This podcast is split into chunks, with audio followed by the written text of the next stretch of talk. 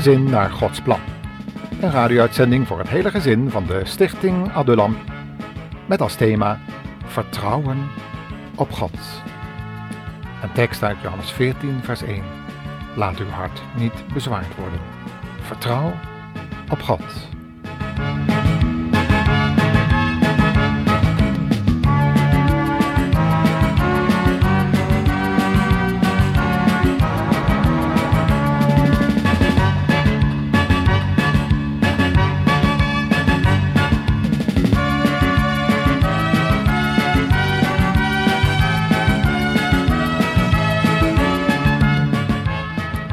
Welkom luisteraar in dat themaprogramma van de Stichting Adullam.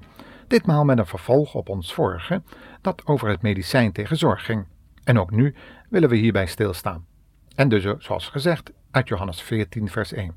Daar zegt Jezus tegen zijn discipelen: Laat uw hart niet bezwaard worden. Vertrouw op God, maar vertrouw ook op mij.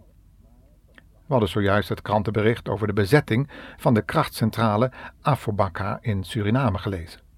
En we dachten na over de eventuele gevolgen daarvan en hoe de dertig gijzelaars zich nu al zouden moeten voelen. Het is alweer geschiedenis, historie. De bevriende mogendheden werden in die tijd verzocht om voedselpakketten te leveren voor de gegijzelden, zoals dat heette. Dat zou kunnen betekenen dat men een oproep doet aan de internationale gemeenschap tot een interventie, nietwaar? Zoals dat in Canada gebeurde. Zouden we een tweede Nieuw-Guinea-drama krijgen?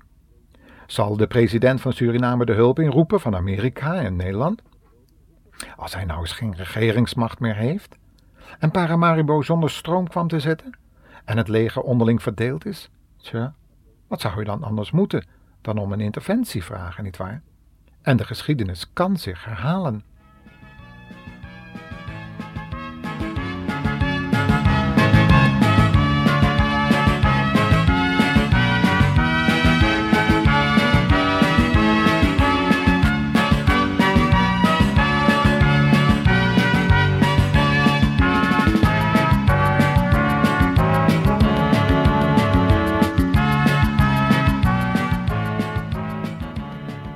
De tijd waarin de internationale gemeenschap leeft is een roerige tijd. Dat zullen we wel met elkaar eens zijn. Het is een tijd vol geweld en natuurrampen. Soms zijn deze rampen aan het ingrijpen van de mensheid zelf te danken. De luchtvervuiling bijvoorbeeld verstoort het eco-evenwicht. De ozonlaag begint steeds meer af te brokkelen en huidkanker wordt meer en meer een volksplaag. Daarnaast is de mensheid driftig op zoek naar nieuwe regeringsvormen de eenman-regeringsvorm liefst, de dictatuur dus, en die is ook weer bezig terug te komen. Want het regeerapparaat van de democratie weigert rekening te houden met de potentaat der potentaten, zoals prins Willem van Oranje dat ooit eens heeft uitgedrukt. En hij wist over wie hij het had. De komende vredevorst, de Heer Jezus Christus dus. Mijn luisteraar, kent u hem eigenlijk wel? Regeert hij al over uw leven? Dan bent u een gelukkig mens, iemand die in staat is vrede te bewaren en vrede te geven, te midden van geweld en wanorde. Zalig zijn de vredestichters, zei Jezus in Matthäus 5 tijdens zijn bergreden. En er is ook een lied dat spreekt over wandelen met de vrede van God in je hart, te midden van moeite en strijd. Kent u dat wel, luisteraar?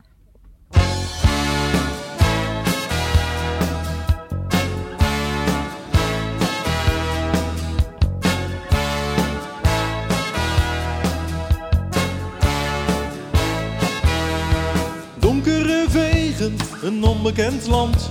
Je komt van alles tegen, maar wie neemt je bij de hand? Honderden vragen, je kent ze allemaal. Donkere dagen, een troosteloos verhaal. Niks te verliezen, alles is stuk. Je pakte je biezen, op zoek naar geluk. Alles verlaten, geen uitzicht, geen doel. Hangt rond op de straten, maar wie kent je gevoel? Niemand wil je hebben je staat tegen de muur. De prijs die je betaalde voor een eenzaam avontuur.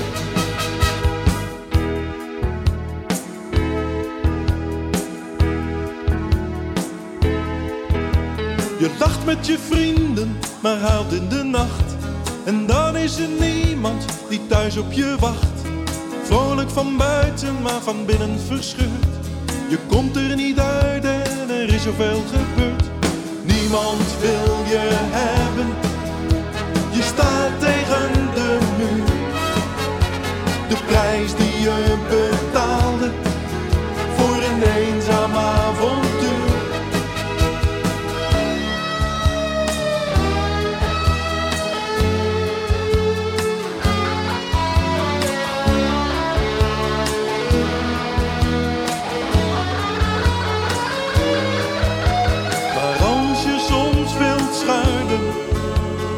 Plaats op je gemak. Er is voldoende ruimte, want God geeft gratis, God geeft gratis, God geeft gratis.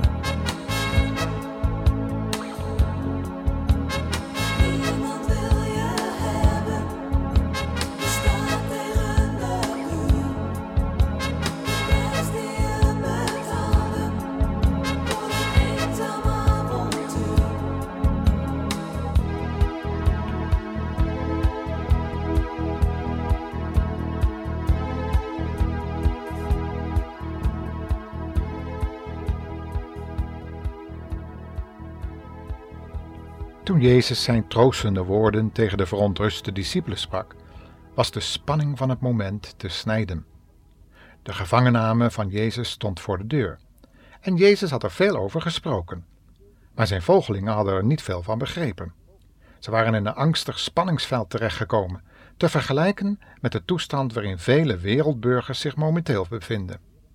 In Suriname betekent dat de spanning die terroristische acties met zich meebrengt. In Bosnië het oorlogsgeweld en de daarmee gepaardgaande willekeur. Overal is er politiek en burgerlijk geweld. In Afrika etnische onlusten. In Rusland politieke spanningen. En in Amerika economische en morele problemen die het presidentschap op zijn grondvesten doet trillen. En ook in eigen, onze eigen omgeving stapelen de problemen zich meer en meer op. Leiders worden gevangen gezet. Artsen komen in diskrediet. Bankdirecteuren worden verhoord over witgewassen drugsgelden. En rijke rijks, rijstmanagers worden aan de tand gevoeld over de herkomst van hun rijkdommen. Bestaan er eigenlijk nog wel mensen en regeringsleiders met schone handen en een blanco strafregister?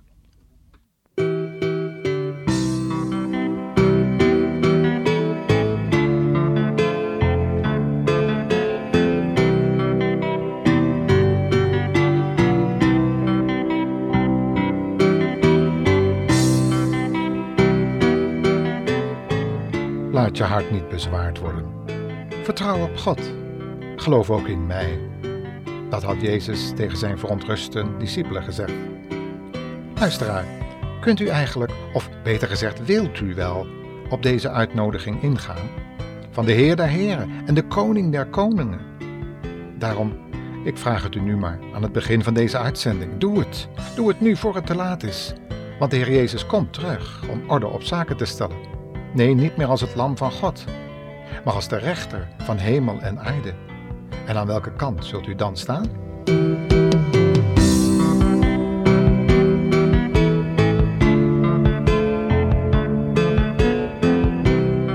De profeet Jezaja heeft over deze keuze enkele behartigenswaardige dingen gezegd. En we willen dat graag uit zijn eerste hoofdstuk citeren. Jezaja 1 begint zo. Dit zijn de boodschappen van Jezaja, de zoon van Amos. Hij kreeg in visioenen tijdens de regeringsperiodes van de Judese koningen Uzia, Jotam, Agam en Hiskia dit. Luister, hemel en aarde, naar wat de Heere zegt. De kinderen die ik heb opgevoed en voor wie ik zo lang en liefdevol heb gezorgd, hebben zich van mij afgekeerd. Het rund en de ezel, die kennen hun eigenaar nog, en de kribbe, en zijn dankbaar als ze te eten krijgen. Maar mijn volk, dat is Israël, ziet niet meer dat ik voor hen zorg. Ze lopen krom onder de zware last van hun schuld. Zo begint Jezaja zijn boodschap. Een boodschap waarin hij de liefde van God laat zien, maar ook de rechtvaardigheid van een toornige God, die gekwetst is in zijn liefde en geduld. De tijd om genade te bewijzen raakt bijna ten einde. De offerdiensten die spreken van het volbrachte werk dat God zelf op het kruis zou verrichten, hadden hun inhoud en waarde voor de massa verloren. Een dode vormendienst was het geworden, zonder wezenlijke inhoud. En de macht van de zonde had zelfs de priesterstand van die dagen beïnvloed. Zij moesten het voorbeeld zijn voor het volk.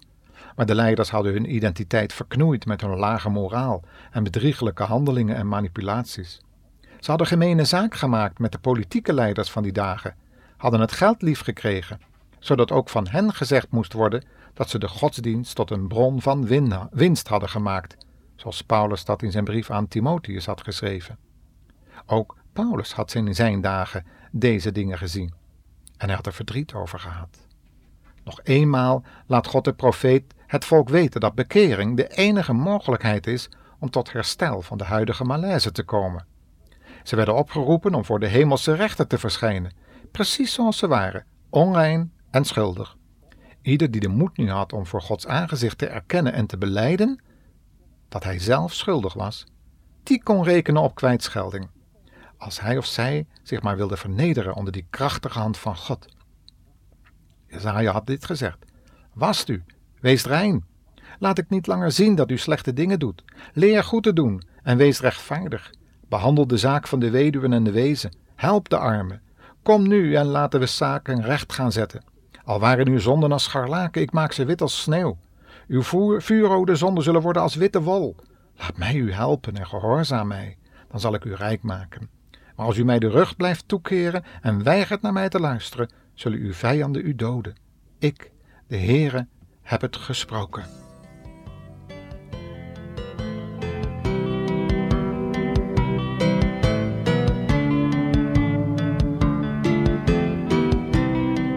Zo moest Jesaja dus die boodschap doorgeven aan het volk, de leiders en de politieke machthebbers van die dagen. De bazuin moest aan de mond gezet worden, zoals ik nu doe met de microfoon. Iedereen moest op de hoogte gebracht worden van het voorstel dat God aan zijn schepselen deed. En zou God nu, in deze roerige tijden, een andere boodschap hebben? Ik heb nu wel geen bezuin bij de hand, maar zoals al gezegd, een, wel een microfoon en die geeft het geluid van mijn stem heel wat meer kracht en draagt verder dan in de dagen van Jesaja. Hoewel, kent u het woord van God niet? Het draagt over de eeuwen heen.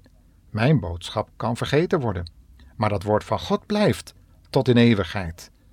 Wat doet u, beste luisteraar, met deze boodschap?